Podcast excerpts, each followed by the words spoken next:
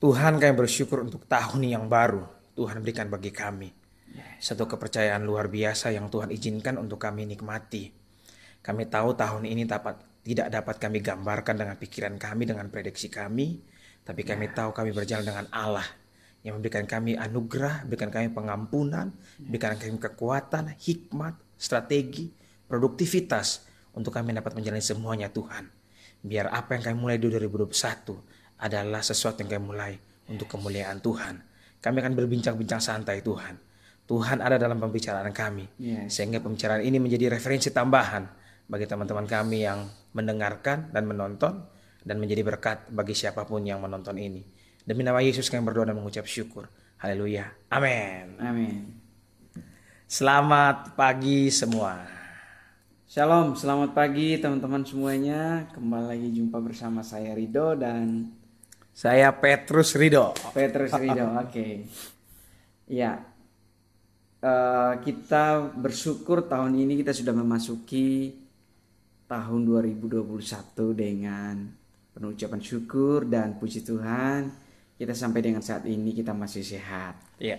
Ya, Bro Pet, gimana eh, kesan kamu untuk tahun 20- 2020 ini yang sudah kita lewati dengan wah begitu banyak tantangan yang luar biasa yang terjadi dalam kehidupan kita. Ya tahun 2020 sih ekspektasinya awalnya kan pengen semua yang baik-baik kan. Yes. Pengen semua yang oke-oke, resolusi tahunan juga udah ada gitu. Ya. Tapi ya faktanya juga nggak nggak terjadi. Tapi juga nggak apa-apa karena puji Tuhan masih bisa lewati 2021. Ya banyak suka duka lah kalau pengen dicatat di buku catatan pasti ada pencapaian-pencapaian juga. Tapi juga ada hal-hal yang lepas. Jadi berimbang lah. Jadi kalau mau dikasih judul ke tahun 2020 tiap langkahku suka duka diatur oleh Tuhan. Asik. Sik, sik. Rohani, rohani sekali ya. Boleh lah di Boleh, medsos. boleh, boleh. Iya, luar biasa ya. Memang tahun 2020 ini eh, tahun yang sangat luar biasa ya. Di mana tahun yang banyak terjadi tragedi yang kita tidak prediksi di akhir tahun sebelumnya. Karena kita tahu bersama corona terjadi eh, di Indonesia sekitar bulan Maret. ya, sekitar pertengahan Maret ya. Dan banyak orang yang tidak prediksi itu. Tapi kita percaya eh, segala sesuatunya terjadi karena seizin Tuhan. Ya dong, sebagai orang Kristen kita harus Pasti, gitu. pasti, pasti. Ya, kita harus percaya bahwa tidak ada yang terjadi secara kebetulan. Oke, dan uh, bagi gue secara pribadi tahun 2020 itu tahun yang menurut gue sangat berkesan. Karena apa? Karena menurut gue tahun 2020 ini tahun yang sangat spesial. Karena menurut gue walaupun tahun ini, karena teman gue bil- pernah bilang ke gue gini, Bro Pet. Dia bilang, kalau saja aplikasi tahun 2020 ini gue pengen uninstall dia bilang gitu dan install ulang. Dan gue bilang gini, bro, walaupun tahun ini kita rasa tahun yang sangat menyedihkan, tapi kita tetap patut bersyukur kita masih uh, sehat dan um, kita masih bisa bertemu di tahun-tahun ini saya bilang. Dan gue rasa tahun ini memang banyak suka duka yang kita hadapi oleh saudara-saudara kita, banyak yang kehilangan saudara, banyak yang kehilangan anggota keluarga dan sebagainya. Tapi kita bersyukur, saya secara pribadi sangat bersyukur untuk tahun ini kita bisa lewati dengan uh, sehat sampai dengan saat ini. Jadi gue mau gambarin uh, tahun ini adalah tahun di mana kita disadarkan kembali bahwa hidup itu cuman sementara. Hidup itu singkat sekali. Dalam, dalam, dalam. Wah, dalam sekali ya. Oke. Dan gimana Bro Pet? Eh, Kira-kira di tahun yang sangat berkesan ini apa nih resolusi kamu di tahun 2021 nih kira-kira? Sebelum masuk resolusi sih, kalau ngelihat tahun 2020 sih, gue cukup kagum ya. Kagum dalam artian kayak gini. Ah, Ya. Tahun di mana kemampuan umat manusia diuji lah. Kenapa gue Yes. bilang tahun kemampuan umat manusia diuji? Karena teman-teman lihat deh, kita punya pola kerja, pola belajar, pola interaksi kan jadi berubah kan. Betul. Jadi berubah semuanya, semua via Zoom, Yes. semuanya laporan via virtual lah semuanya. Dan lihat ada teman-teman mulai belajar masak, terus ada teman-teman yang mengalami bencana bahu membahu saling tolong.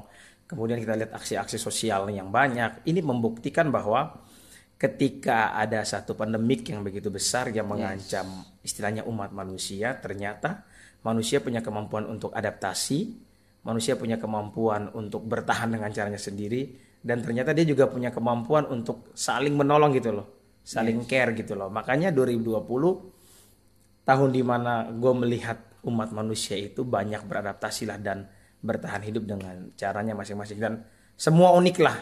Makanya kan ada orang bilang ternyata di balik sebuah masalah yang besar, sebuah tantangan yang besar kan terdapat peluang yang besar juga kan. Jadi tergantung bagaimana cara pandang kita sih terhadap tahun 2020 gitu. Sebenarnya untuk resolusi tahun 2021 gue juga nggak muluk-muluk. Kenapa gue nggak muluk-muluk? Karena gue ada tulis di microblog gue nih, gue belum belum posting. Orang biasa bilang kan kayak begini, tahun 2021 itu adalah mengerjakan resolusi di tahun 2020 yang direncanakan tahun 2019 dan yang telah dicita-citakan di tahun 2017 dan mungkin telah diniatkan dari tahun 2019. Artinya resolusi yang nggak habis-habis gitu kan. Ya. Tapi kalau gue lihat penting gak sih punya resolusi di tahun yang baru? Penting. Kenapa? Resolusi itu seperti satu tujuan, hmm, satu titik yang kita pengen capai. Meskipun nggak capai, tapi itu seperti gamenya kita lah, game yang kita mainkan untuk satu untuk kita menangkan kayak gitu. Menurut gue kayak gitu ya. Dan gue senang sih kayak misalnya kalau lihat salah satu tokoh kayak Mark Zuckerberg pemilik Facebook dia kan punya resolusi itu tahun lalu tuh dia pengen bisa bahasa Mandarin kalau nggak salah. Jadi resolusinya cuma satu gitu. Setiap tahun tuh dia punya satu, setiap tahun dia punya satu dan dia uh, posting dia sampaikan ke seluruh dunia lah kayak gitu dan nggak tahu deh belum belum dapat update-nya apakah dia udah berhasil atau enggak gitu loh. Jadi menurut gua resolusi penting nggak penting, at least itu jadi satu kalau gua namakan secara simpel tuh game kita lah, game yang kita pengen mainkan di tahun yang baru gitu loh. Ya. Nah itu menurut gua resolusi. Kalau resolusi gua apa? Ya gambaran besarnya ya ya di tahun yang baru pengen lebih cinta Tuhan lah dan pengen lebih sehat karena berat badan udah naik parah banget. Dan yang ketiga mungkin pengen produktif dengan hal-hal yang gue udah kerjain.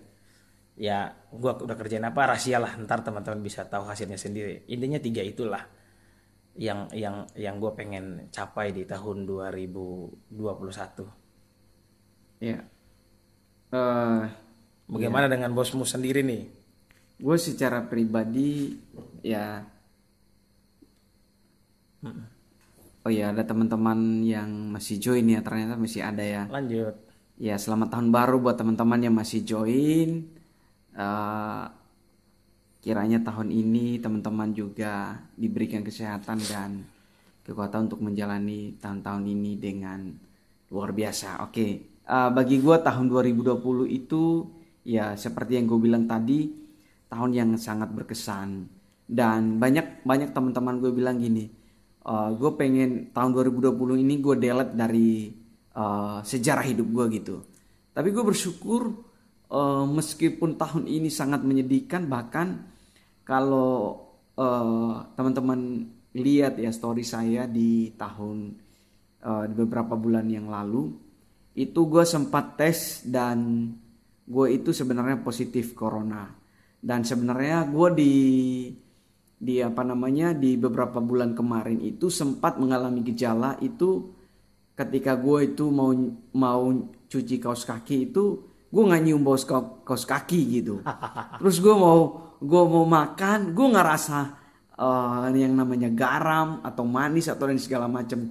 Bahkan eh, apa namanya minyak minyak pun gue nggak berasa tuh ada minyak gitu. Gue rasa kayak makan sesuatu tawar banget gitu. Dan Tartar itu bulan apa tuh? Bulan apa tuh? itu sekitar bulan eh, Oktober apa apa ya. Pokoknya PSBB kedua lah di Jakarta itu.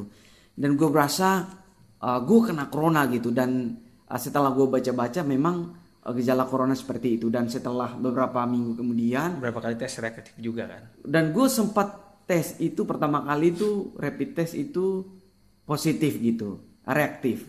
Dan saking penasarannya gue gue pikir alatnya itu rusak dan akhirnya gue tes lagi kan. Nah gue tes lagi dan ternyata masih reaktif juga gitu. Akhirnya gue ambil keputusan untuk uh, serologi kan karena gue paling takut yang namanya serologi ambil darah dari dari sini. Dan akhirnya gue memutuskan untuk berani untuk ambil darah. Dan ternyata hasil tesnya guys itu reaktif juga. Dan gue ternyata reaktif dan positif uh, corona dan uh, menurut pemeriksaan karena gue teman gue yang periksa itu di uh, Siloam TB Simatupang Jakarta Selatan dia bilang lu uh, reaktif virus corona tapi virusnya itu sudah lampau. Dan akhirnya gue memutuskan untuk swab di besok harinya dan uh, besoknya hasil gue keluar. Dan ternyata puji Tuhan itu positif eh positif negatif. Negatif. Dan kenapa gue gua gue sebenarnya itu setelah gue ketahuan itu reaktif gue sebenarnya itu rada khawatir. Kenapa gue khawatir? Bukan karena karena guanya itu yang positif tapi di dalam uh, tempat tinggal gue itu ada tiga orang yang mengalami gejala yang sama. Nah, nah jadi gue kalau gue berasa kalau misalnya gue yang kena dan gue membawa virus ke situ gue jadi berasa berdosa gitu.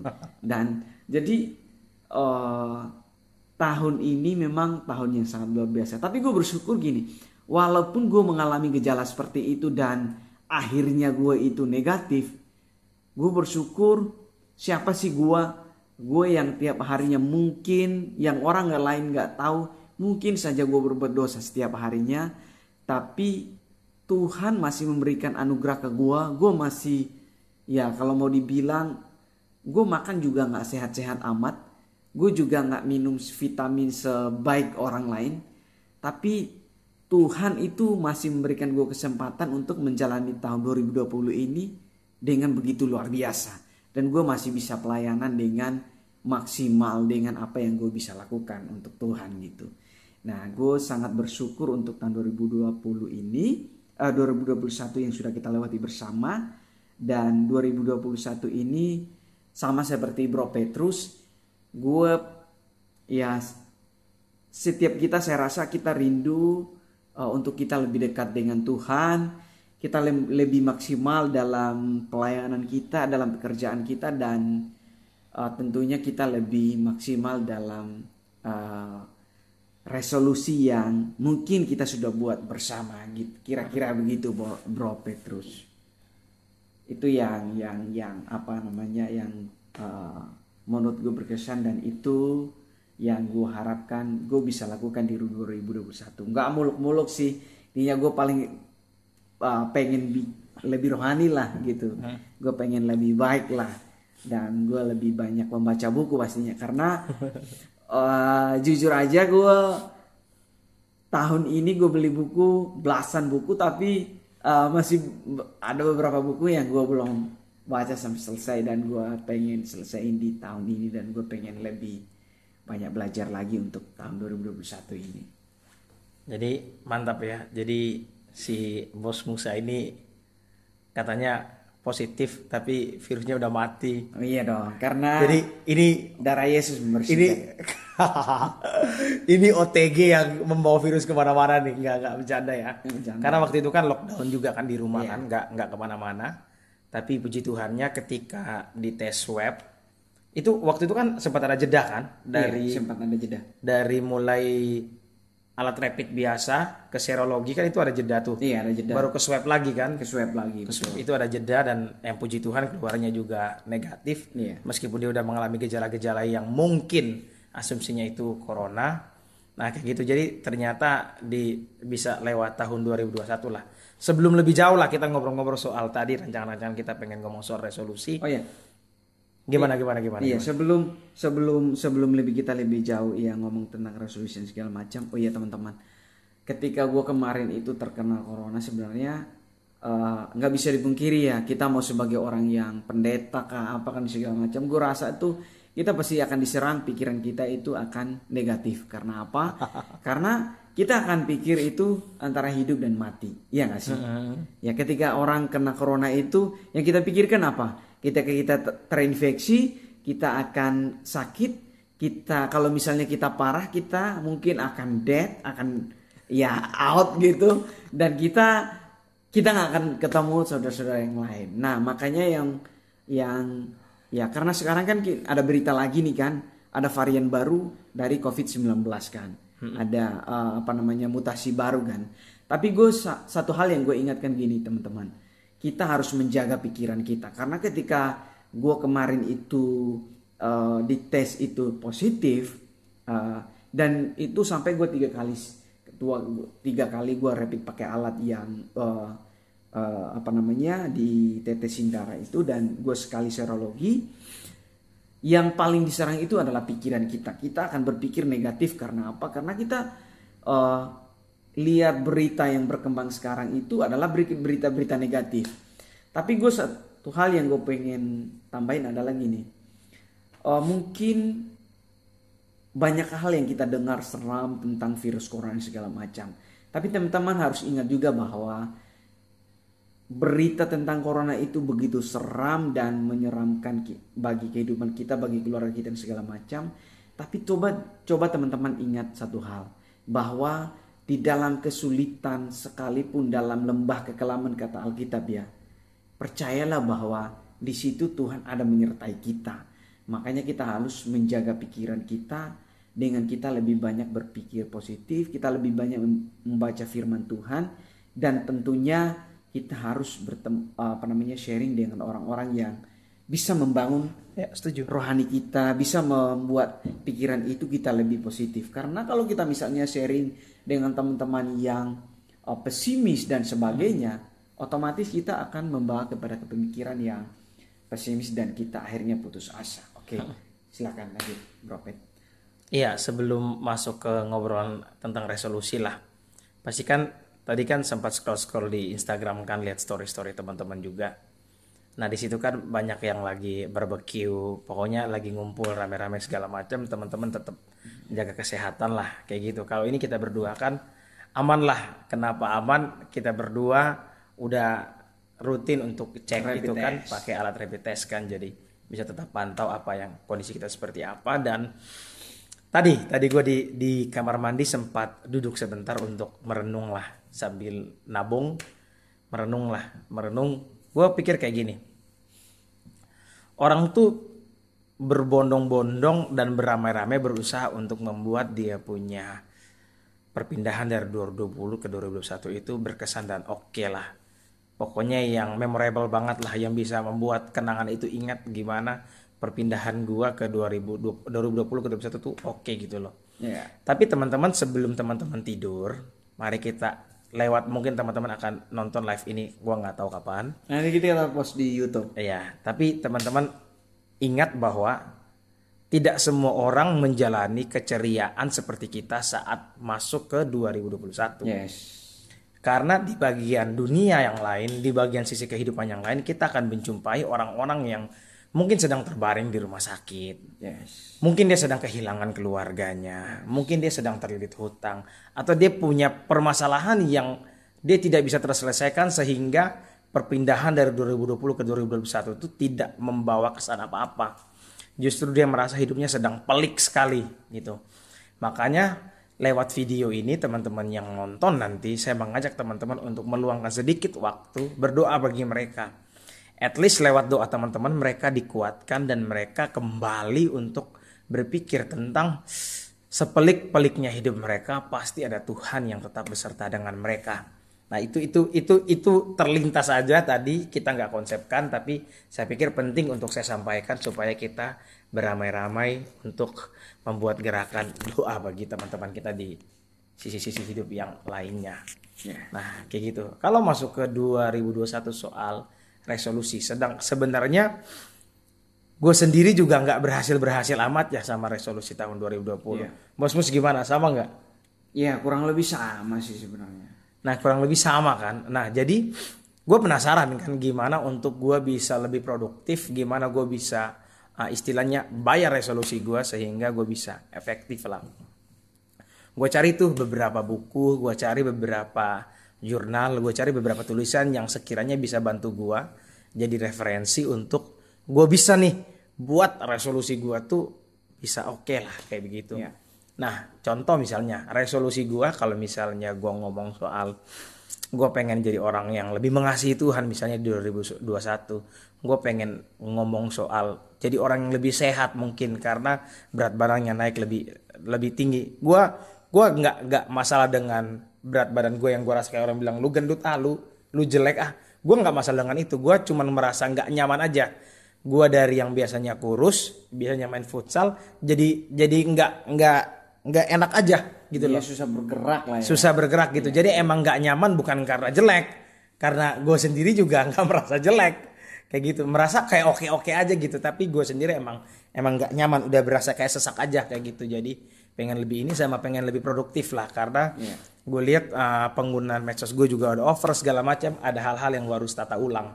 Nah kalau bicara soal resolusi gue, mungkin teman-teman punya resolusi juga kan. Resolusi kan udah bicara soal hal-hal praktis yang harus kita kita ubah kan. Kayak misalnya kalau gue ngomong gue pengen lebih mengasihi Tuhan, hal praktisnya apa sih? Ya pasti hal praktisnya bicara soal apa? Hubungan pribadi dengan Tuhan kan, doanya, mungkin pembelajaran firman Tuhan yang rutinnya, mungkin bicara soal teladan dan kasih kita kepada sesama itu kan bicara soal kebiasaan kan. Pasti kita semua akan masuk dalam area yang namanya kebiasaan kebiasaan, kebiasaan. Dan misalnya untuk menurunkan berat badan, itu juga pasti bicara soal kebiasaan kan, kebiasaan berolahraga Iya, mungkin, betul. kebiasaan pola makan. Bicara soal produktif juga kebiasaan, kebiasaan untuk apa? Kebiasaan untuk mengelola waktu kan, kebiasaan untuk mengelola energi. Semuanya bicara soal kebiasaan. Makanya gue baca satu buku tuh bagus. Gue sebenarnya udah pernah posting di beberapa postingan gue di Instagram. Instagram. Atomic Habit. Atomic Habit punya Ja- nya James Clear. Itu teman-teman bisa cari di Gramedia. Instagramnya apa dulu? Instagramnya Petrus Rido. Eh, terus Rido ya. gue lupa waktu itu pokoknya gue udah taruh di story Atomic Habit itu teman-teman bisa cari bukunya di Gramedia. Gue lupa gue beli berapa ya waktu itu 88 ribu mungkin. Nah itu bagus. Ada satu pembahasannya dia tuh yang bagus. Dia bahas kayak gini. Kalau kita mau berubah, itu sebenarnya kita tuh cuman punya tiga level. Tiga level dalam dalam dalam kita membentuk kita punya perubahan, kita membentuk kita punya habit. Level yang paling luar itu level yang namanya apa yang kita harus lakukan. Oke. Nah, tindakan perubahan kita. Nah, level kedua itu itu hanya kalau saya nggak salah ya, itu hanya bicara soal kita punya tindakan dan keputusan dan motivasi untuk berubah. Tapi level ketiga itu bicara soal identitas. Oke. Contoh misalnya kayak gini. Kalau bilang saya pengen mengasihi Tuhan dan saya pengen punya kebiasaan berdoa, kita jangan target kayak gini. Ah, oh berarti gue harus doa sehari misalnya dua kali, tiga kali. Gue harus disiplin belajar firman mungkin sejam, dua jam dengan baca buku rohani atau apa. Misalnya gue pengen lebih mengasihi Tuhan. Kita jangan berorientasi pada kebiasaannya, Yes. Tapi kita berorientasi pada identitas yang pengen kita bangun. Oke. Contoh misalnya kayak begini. Kalau kita pengen misalnya lebih rajin berdoa, jadi kita bukan sasarannya di tindakan doa eh, tindakan doanya, tapi kita sasarannya di gini. Kita brand diri kita bahwa tahun ini adalah tahun di mana Petrus harus jadi seorang pendoa. Jadi mainnya tuh di identitas. Oke. Nah itu yang harus pertama, mainnya tuh di identitas. Kenapa dia bilang di identitas? Ah, karena kayak begini, kalau kita nggak merebranding diri kita dulu bahwa kita orang yang seperti itu, maka tindakan-tindakan yang kita buat tidak memperkuat identitas kita. Sedangkan kalau kita udah bilang begini, Petrus ini pendoa nih, dan waktu kita berdoa, tindakan-tindakan kebiasaan itu akan mempertegas identitas kita sampai satu titik ketika identitas itu sudah terbentuk, kita nggak perlu capek-capek bangun kebiasaan itu lagi. Itu udah Karena menjadi itu- jati diri kita. Karena itu menjadi udah menjadi kebiasaan Ah, kita. itu itu it- itu itu yang dimaksud oleh James Clear kayak begitu. Nah, dan gue pikir kan, eh bener juga ya. Nah, tapi kalau gue mau cocok-cocokin lagi, ternyata di Firman Tuhan juga ada.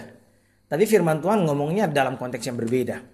Kalau teman-teman, kalau saya nggak salah di Korintus ya, dia bilang soal ah, ah, sesung kamu adalah ciptaan yang baru, yang lama sudah berlalu, sesungguhnya yang baru sudah datang kan. Nah, ini ah jadi khotbah nih masuk ke sini nih. Tapi pada prinsipnya mirip. Kenapa? Kristus kalau gue boleh pakai kata rebranding ya, merebranding diri kita dari sosok yang lama jadi sosok yang baru kan. Ya. Nah, sosok yang baru itu berarti hidup harus sesuai identitas yang baru. Yes. Sama James Clear itu kasih kasih tips ke kita tuh satu tuh gimana kita berorientasi pada identitas kita. Misalnya kayak gini. Saya mau turut turun berat badan misalnya, saya harus olahraga misalnya. Saya harus olahraga misalnya lari, jaga pola makan. Hmm saya mulai dengan resolusi saya itu saya harus jadi orang apa? Misalnya jadi orang yang sehat. Nah, jadi saya fokus ke identitasnya apa. Yes. Baru saya kumpulin kira-kira kegiatan-kegiatan yang mendukung identitas itu apa. Jadi semakin saya menggun melakukan kegiatan itu, semakin saya memperkuat identitas saya. Itu yang pertama tuh yang James Clear bahas tuh. Jadi uh, gini, gue sampaikan ini bukan ada beberapa hal yang gue udah walk the talk artinya yang gue udah terapkan dari teori ini ada yang belum dan gue benar-benar berasa oke okay lah gue rasa berhasil gitu. Ada beberapa hal yang gue belum berhasil tapi gue share ke teman-teman supaya teman-teman juga mungkin teman-teman pengen beli bukunya dan teman-teman pengen baca bukunya pengen terapkan juga oke okay gitu. Yeah. tapi kan teman-teman akan juga komplain lah bukan komplain sih ya lu ngomong sih enak teori gampang jalannya susah bos. Prakteknya susah nah, bos. Prakteknya susah begitu kan. Ya, ya, ya semua orang kan ngomong gitu ya. Tapi yang menariknya di awal bukunya tuh dia bilang, ah gue jadi review buku nih. Tapi nggak apa-apa lah. Nggak apa-apa lah ya. Di awalnya tuh dia dia menarik, dia bilang, dia bilang tuh kayak gini. Dia kan cerita soal uh, satu pelatih yang masuk untuk merubah sistem di tim tim tim inilah tim sepeda Inggris lah. Dia buat hal, -hal kecil aja, misalnya dia ganti kostum tim Inggris itu dengan kostum yang lebih magnetis atau apa tuh jadi aliran darahnya bisa lebih lancar. Yeah. Kemudian di dia punya gudang semua dan dia punya markas itu dia lebih membuat untuk ruangannya lebih cerah. Kemudian supaya debu-debu yang kelihatan itu dia bisa bersih-bersihin semuanya supaya pemain-pemainnya lebih fit. Nah, kemudian mereka mulai membangun kebiasaan dengan apa? Dengan mulai menaikkan sedikit posisi tempat duduk yang sesuai dengan ukuran profesional gitu kan. Itu kan kelihatan kan hal, sepele kan, hal, -hal yeah. sepele. Tapi dia buat penelitian. Yeah. Ternyata hal sepele yang kecil kebiasaan yang kita buat kecil dan itu sangat sepele lah. Itu kalau dia kasih nama tuh kemajuan 0,1 persen kalau nggak salah. Tapi waktu kita akumulasi selama satu tahun, ternyata itu signifikan sampai 2, 37 persen. 37 persen ya. 37 persen. Jadi sebenarnya udah nggak ada alasan lagi untuk kita nggak berubah sebenarnya.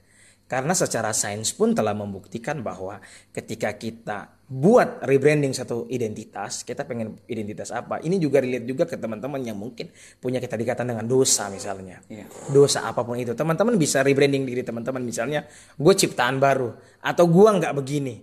Nah, rebranding itu baru teman-teman mulai melakukan kebiasaan-kebiasaan sederhana dan kecil aja.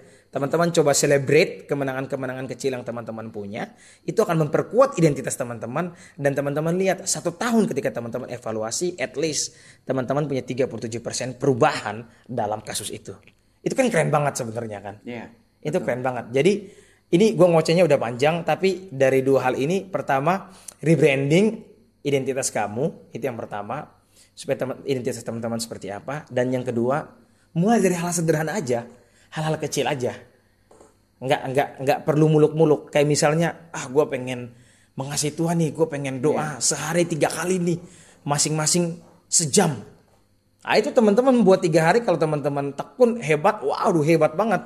Tapi nggak perlu gitu-gitu juga kayak begitu. Teman-teman mulai aja dengan langkah-langkah sederhana gitu. Yeah. misalnya ambil saat teduh pribadi yang teduh ya 5 menit, 10 menit, 20 menit. Kayak gitu. Jadi ambil langkah-langkah sederhana aja, tapi ingat teman-teman tetap identitas gitu. Nah, itu sih Mus, gimana tanggapan lu sih dengan dengan dengan teori ini? Keren gak sih? Iya, menurut gue sih keren banget gitu dan memang gue sangat setuju banget gitu. Bahkan gue lupa ya, gue baca dari di artikel atau di buku apa ya gitu ya. Memang hidup yang kita jalani itu hari ini ya itu sebenarnya itu 70% itu kebiasaan yang kita ulang setiap harinya. Hmm, subconscious. Misalnya, subconscious. Alam bawah sadar kan? Iya, alam bawah sadar kita. Misalnya kita mau mau mandi, pasti kita akan duluan lebih sikat iya. gigi atau cuci muka atau apa gitu itu itu merupakan kebiasaan kita kita mau kita aus gitu kita nggak bilang "Oh, kita mau makan dulu tapi kita langsung ambil air itu itu kebiasaan kita Iya, iya. dan menurut gua eh, penting sekali untuk kita mereview apa yang menjadi hal yang kurang di tahun sebelumnya dan apa yang perlu kita perbaiki. Dan yang kedua yang tadi Bro Petrus uh, sharing itu mungkin itu hal kecil yang menurut kita itu 0,0 sekian persen yang kita lakukan dalam kehidupan kita. Tapi kita harus ingat bahwa 0, sekian 0 persen itu ketika diakumulasi itu menjadi sekian persen dalam kehidupan kita. loh. 37% itu signifikan banget loh. Signifikan sekali. Apalagi teman-teman kan punya punya range rata-rata usia harapan hidup kan kalau laki-laki di Indo tuh bisa sampai 79 kalau nggak salah. Iya betul. Iya 69 apa 79. 69. Nah coba bayangkan. Itu kan range umurnya itu istilahnya begini setiap tahun aja misalnya teman kayak gua nih sekarang umur 25 nih. Berarti gua masih punya Oh, jangan kuota. sebut umur dong, gue berasa tua nanti. Ah, gue masih punya kuota yang panjang kan. At least gue punya sekitar mm, 45 tahun lagi misalnya. Gue punya 45 tahun lagi, berarti gue bisa menciptakan 45 kebiasaan baik yang progresnya tiap tahun tuh bisa 37%. Itu kan keren banget sebenarnya kan. Makanya ya ketika Mark Zuckerberg cuman buat satu resolusi satu tahun, itu juga masih cukup. Karena ketika dia punya 45 tahun, berarti dia masih punya peluang buat 45 kemampuan atau kebiasaan baru yang baik. Nah, kalau kalau untuk gua kayak begitu. Nah, teman-teman kalau penasaran sama bukunya, gua bukan bukan pasarin bukunya ya, karena gua udah baca bukunya Ya dan kita buku nggak itu nggak juga promosi ya. Kita cukup impactful bagi gua. Ya, gua sarankan teman-teman juga teman-teman boleh baca buku itu.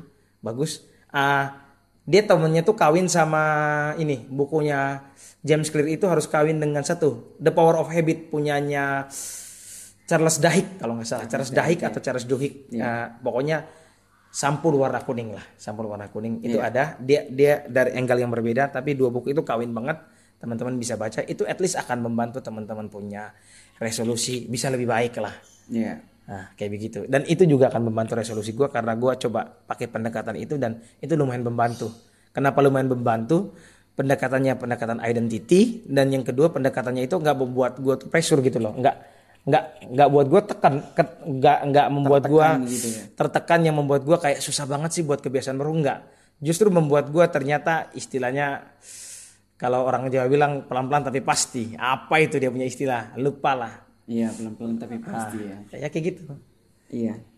Jadi memang kadang kita eh, apa ya eh, tanpa kita sadari kita nggak menyadari kebiasaan-kebiasaan kecil yang kita lakukan itu sebenarnya itu sangat mempengaruhi kehidupan kita. Oh, iya. Kita anggap itu wah nggak apa-apa deh kita tole tole toleransi lah ya. Oh ya nggak apa-apa nggak apa-apa. Nggak apa-apanya yang kita kita anggap itu tiap hari nggak apa-apa itu menjadi apa-apa di hari depan kita. Betul, betul. Nah, sebelum ki- sebelum itu menjadi apa-apa, seperti yang di sharing Bro Petrus, kita harus menyadari bahwa kita harus melakukan sesuatu yang baru di tahun depan. Iya, di tahun inilah ya, kurang lebih ya. Ya udah ini udah tanggal satu nih bos. Ini udah tanggal satu ya. Ini kita udah jam harus jam 2 bos. eh, membuat sesuatu yang berbeda dari tahun sebelumnya ya. Iya, setuju, setuju, setuju. Nah, Ada satu hal sih yang gue pengen pengen pengen sharing lah yang gue dapat dari Opa Stephen Tong. Gue dapat dari Opa Stephen Tong tuh bagus banget, bagus banget. Nah, tadi kan kalau teman-teman kalau ikuti teman-teman ikuti video ini teman-teman akan lihat kan gimana gue jabarin hal-hal yang teknis banget kan tentang pendekatan-pendekatan yang teman-teman harus lakukan sehingga punya kebiasaan yang baik dan kebiasaan itu akhirnya mempengaruhi tingkat keberhasilan resolusi kita di tahun ini kan. ya. Nih, seperti tadi Bro Mus ada ngomong soal uh, dari yang nggak apa-apa akhirnya jadi apa-apa kan. Teman-teman perlu, perlu harus perhatikan apa yang teman-teman lihat, Ya. apa yang teman-teman dengar, apa yang teman-teman baca, circle teman-teman seperti apa. Saya nggak nggak ngajarin teman-teman untuk jadi orang yang pilih kasih atau pilih pergaulan, tapi saya lagi kita sama-sama lah lagi saling-saling mengencourage untuk bicara soal bagaimana kita bijaksana menaruh apa yang ada dalam hidup kita lah. Ya.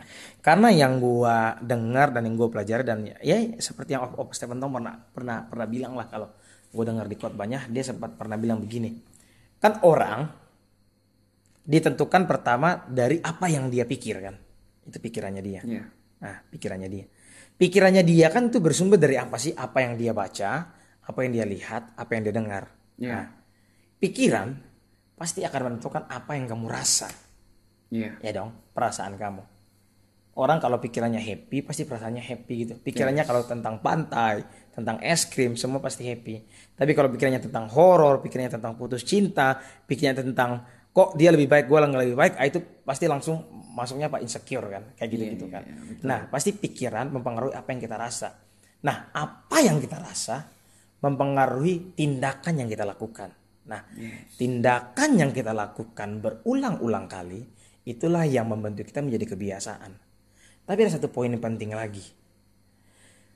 Apa yang kita pikir bersumber dari semua yang dari luar yang eksternal ini masuk ke hati kita, menentukan perasaan kita, menentukan tindakan kita, dan menentukan kebiasaan kita. Ada satu poin lagi. Kalau Rene Descartes yang ngomong aku ada karena aku berpikir, Stephen Tong bilang begini, aku ada ditentukan tentang bagaimana responku di hadapan Tuhan terhadap kehendak Tuhan. Iya. Artinya apa? Ketika teman-teman diperhadapkan dengan hal eksternal itu, teman-teman harus punya respon kayak gini. Ini baik nggak untuk gua masukin di kepala gua? Nah, setelah teman-teman berpikir, teman-teman mengeluar dalam pikiran semua teman-teman, entah itu yang negatif dan positif. Teman-teman bisa tanya lagi, ini baik nggak dan sesuai dengan kehendak Tuhan atau enggak? Ketika teman-teman olah di perasaan lagi, teman-teman punya sensor lagi. Ini baik nggak dan sesuai dengan kehendak Tuhan atau enggak?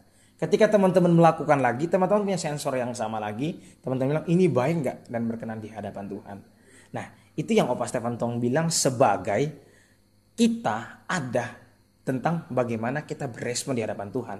Baik kita memilih apa yang masuk di diri kita, kita memilih apa yang kita pikirkan, kita memilih apa yang kita rasa, dan kita memilih apa yang kita buat. Jadi yang ya kalau gambaran besar yang gue pengen ngomong sih hal hal teknis tentang bagaimana bangun kebiasaan lewat pendekatan yang James Clear tawarkan dan yang kedua bagaimana apa yang kita pikir apa yang kita rasa apa yang kita tindak kita pakai parameter Tuhan suka nggak dan Tuhan sesuai dengan kehendak Tuhan atau enggak ah itu Iya dan ya gue diberkati banget sama sharing Bro Petrus. Memang eh, bagaimana kita menjalani kehidupan ya tergantung dari apa yang kita baca, Betul. dari apa yang kita pikirkan, dari apa yang kita lihat dan yang satu lagi adalah dengan siapa kita bergaul. ah itu mantap tuh betul Nah, banget. Eh, bokap gue pernah bilang gini, dengan pencuri kamu bergaul, maka lama kelamaan akan kamu akan menjadi pencuri. Karena apa yang ada di sekitar kita itu akan mempengaruhi kebiasaan hidup kita sehari-harinya. Betul. Makanya kita perlu bangun kebiasaan-kebiasaan yang baru, bagaimana kita menjadi pribadi yang baru setiap harinya. Nah, karena kalau kita misalnya nggak bangun kebiasaan yang baru, maka tidak bisa dipungkiri kita akan menjadi pribadi yang sama dari tahun ke tahun, Yap. dari tahun ke tahun. Nah, seperti yang Pak eh, Opa Tong bilang, Pak Stephen Tong bilang, eh, siapa diri kita tergantung bagaimana kita meresponi eh, sesuatu di hadapan sesuatu di hadapan Tuhan. Betul banget gitu. Nah, kalau kita menyadari bersama bahwa hid- hidup kita ini berharga di matanya Tuhan, tentu kita akan eh, menjalani hidup kita ini dengan bagaimana kita menghargai anugerah Tuhan, menjalaninya dengan sebaik mungkin, menghargainya hidup kita dengan eh, sebaik mungkin supaya ketika kita melangkah hari ke hari esok uh, pokoknya dari hari ke hari kita akan melangkah dengan uh, tujuan yang benar Yep. dengan respon yang benar Yep. dengan cara yang benar dengan apa ya dengan pandangan yang benar Yap. sehingga kita menjalani kehidupan yang Tuhan izinkan ada sampai dengan hari ini adalah dengan betul-betul kita menghargai bagaimana Tuhan memberikan anugerah yang luar biasa. Karena apa teman-teman? Karena banyak orang yang seperti eh, papa dari eh, teman rekan pelayanan gua hari ini itu dipanggil Tuhan itu tepat tanggal 31 Desember 2020. Nah, kita yang ada sampai dengan hari ini itu merupakan suatu anugerah yang luar biasa bagi kita. Mungkin kita berasa, oh iya karena gue minum vitamin, karena gue olahraga, kita karena gue uh, menjalani hidup yang sehat sehingga gue terhindus dari virus corona. Tapi teman-teman coba dengar beberapa berita. Ada orang yang begitu sehat, ada orang yang begitu olahraganya disiplin sekali, tapi begitu kena virus corona langsung end. Nah itu artinya teman-teman. Anugerah Tuhan itu sangat luar biasa dan dalam kehidupan kita. Nah kalau misalnya kita berespon dengan seperti yang Pak Stephen Tong bilang. Bagaimana kita berespon di hadapan Tuhan. Itu yang akan menentukan siapa diri kita di hari esoknya. Nah kira-kira uh, apa pesan Bro Petrus untuk teman-teman uh, yang mungkin akan melihat video ini akan mendengar pembicaraan kita ini? Apa pesan Bro Petrus bagaimana melangkah di 2021 ini? Dan kita tahu bersama ya 2021 ini kemungkinan akan menjadi tahun yang sama seperti 2020 bahkan yeah. mungkin lebih seram karena kita tahu bersama pemberitaan tentang virus corona itu ada varian baru lagi atau virus corona ini telah bermutasi menjadi bentuk yang baru mungkin yang lebih seram atau bagaimana. Nah kira-kira pesan Bro Petrus bagaimana kita tetap optimis, kita tetap uh, maksimal, kita tetap lebih rohani lah ya di Kalau 2021. Ini buk, ini pesan buat teman-teman dan pesan buat gua sendiri. Ya mungkin buat gue juga ya. Iya, iya. 2020 kalau eh, 2021 kalau gue bisa bilang ke diri gue sendiri gue pengen bilang untuk Petrus 2020 tetap berusaha berjalan dengan sekuat tenaga yang pasti dipimpin oleh Tuhan melihat dan mengerjakan banyak PR yang Petrus belum selesaikan selesaikan. Dan mungkin ke teman-teman juga pasti banyak PR yang belum teman-teman selesaikan selesaikan gitu loh ah yang menjadi yang bertanggung jawab atas hidup kita sendiri adalah kita sendiri sebab anugerah telah diberikan besar kepada kita. Sekarang tentang bagaimana kita hidup dengan maksimal dalam anugerah yang Tuhan telah berikan gitu loh. Nah, itu itu sih mungkin sangat filosofis tapi teman-teman kalau berpikir pasti dan bisa bisa bisa relate ke teman-teman lah kayak gitu. Iya dan ya gue setuju setuju banget gitu. Uh, kita memang uh, apa ya? mungkin kita berpikir ini apa yang kita sampaikan ini uh, sangat filosofis dan ya menganggap ya lu enak aja ngomong, lu enak aja bacot gitu ya. Tapi coba kita berpikir bersama ya. Uh, bagaimana kita harus uh, kita berpikir menjalani tahun depan itu dengan apa tujuan Tuhan dalam kehidupan kita, apa yang Tuhan kehendaki dalam kehidupan kita. Ya mungkin kita akan ya mengalami kegagalan-kegagalan kecil dalam kehidupan kita. Tapi kita harus sadari bahwa Tuhan gak pernah meninggalkan kita loh. Ketika kita merasa kita ditinggalkan itu bukan Tuhan sedang meninggalkan kita. Kita hanya itu hanya perasaan kita doang gitu. Dan itu uh, eh, gue rasa itu karena kita merasa uh, masalah atau hal apa yang kita alami itu membuat kita celaka gitu. Tapi kita coba lihat ke belakang, bukannya Tuhan uh, apa namanya di tahun-tahun yang sulit, di hari-hari yang sulit juga Tuhan sudah tolong kita yep, gitu ya. Setuju. Kenapa kita nggak berpikir uh, Tuhan juga pasti menolong kita di hari-hari berikutnya, di tahun-tahun berikutnya. Gitu. Yep. Jadi ya menurut gua amat sangat sedih dan menurut gue waktu menjadi sangat singkat sekali kalau kita uh, menjalani hari-hari itu dengan uh, penuh ratapan, dengan penuh kegelisahan dan penuh apa ya uh, komplain dan sebagainya. Yep. Nah, alangkah lebih baiknya bagi kita adalah seperti yang Bro Petrus bilang, uh, apa yang kita belum selesaikan, apa yang kita mungkin sudah rencanakan, apa yang mungkin masih ada struggle dalam kehidupan kita yang perlu kita perbaiki kita lakukan dengan sekuat tenaga kita dan kita lakukan itu dengan kita uh, bergantung sepenuhnya kepada Tuhan karena gue percaya sih semua itu cita-cita mulia kita nggak akan terlaksana dengan baik kalau Tuhan tidak mengizinkan itu. Yep. Nah makanya kita uh, bukan kitanya seorang yang segala macam kita mengatakan bahwa semuanya itu karena anugerah Tuhan bukan, tapi kenyataan dalam kehidupan kita memang semuanya karena anugerah Tuhan dan kita bisa melewati hari ini pun kenyataannya itu semua karena anugerah Tuhan. Mantap. Iya, ada anu ya ya kita nggak bisa pungkiri bahwa ada banyak orang yang punya duit, ada punya orang yang banyak connection segala macam, tapi toh akhir di kita mereka nggak melangkah di 2021 dan ya ya memang harus kita menjalani itu dengan sekuat tenaga kita.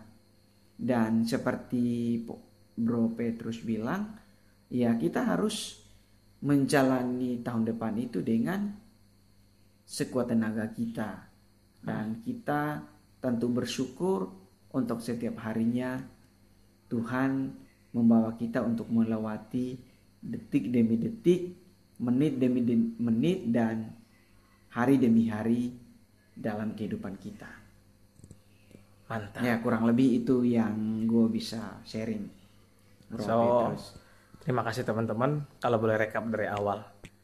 Tadi gue berdua bicara soal kesan dan pesan kita di 2020 seperti apa dan kemudian di 2001 kita punya resolusi dan resolusi itu pasti berkaitan dengan kebiasaan saya pakai pendekatan James Clear untuk teman-teman bisa pelajari teman-teman bisa beli dua buku itu James Clear sama Charles Duhigg The Power of Habit sama Atomic Habit dan yang ketiga tentang kamu ada ditentukan bukan hanya ketika kamu berpikir tapi bagaimana respon kamu baik pikiran yes.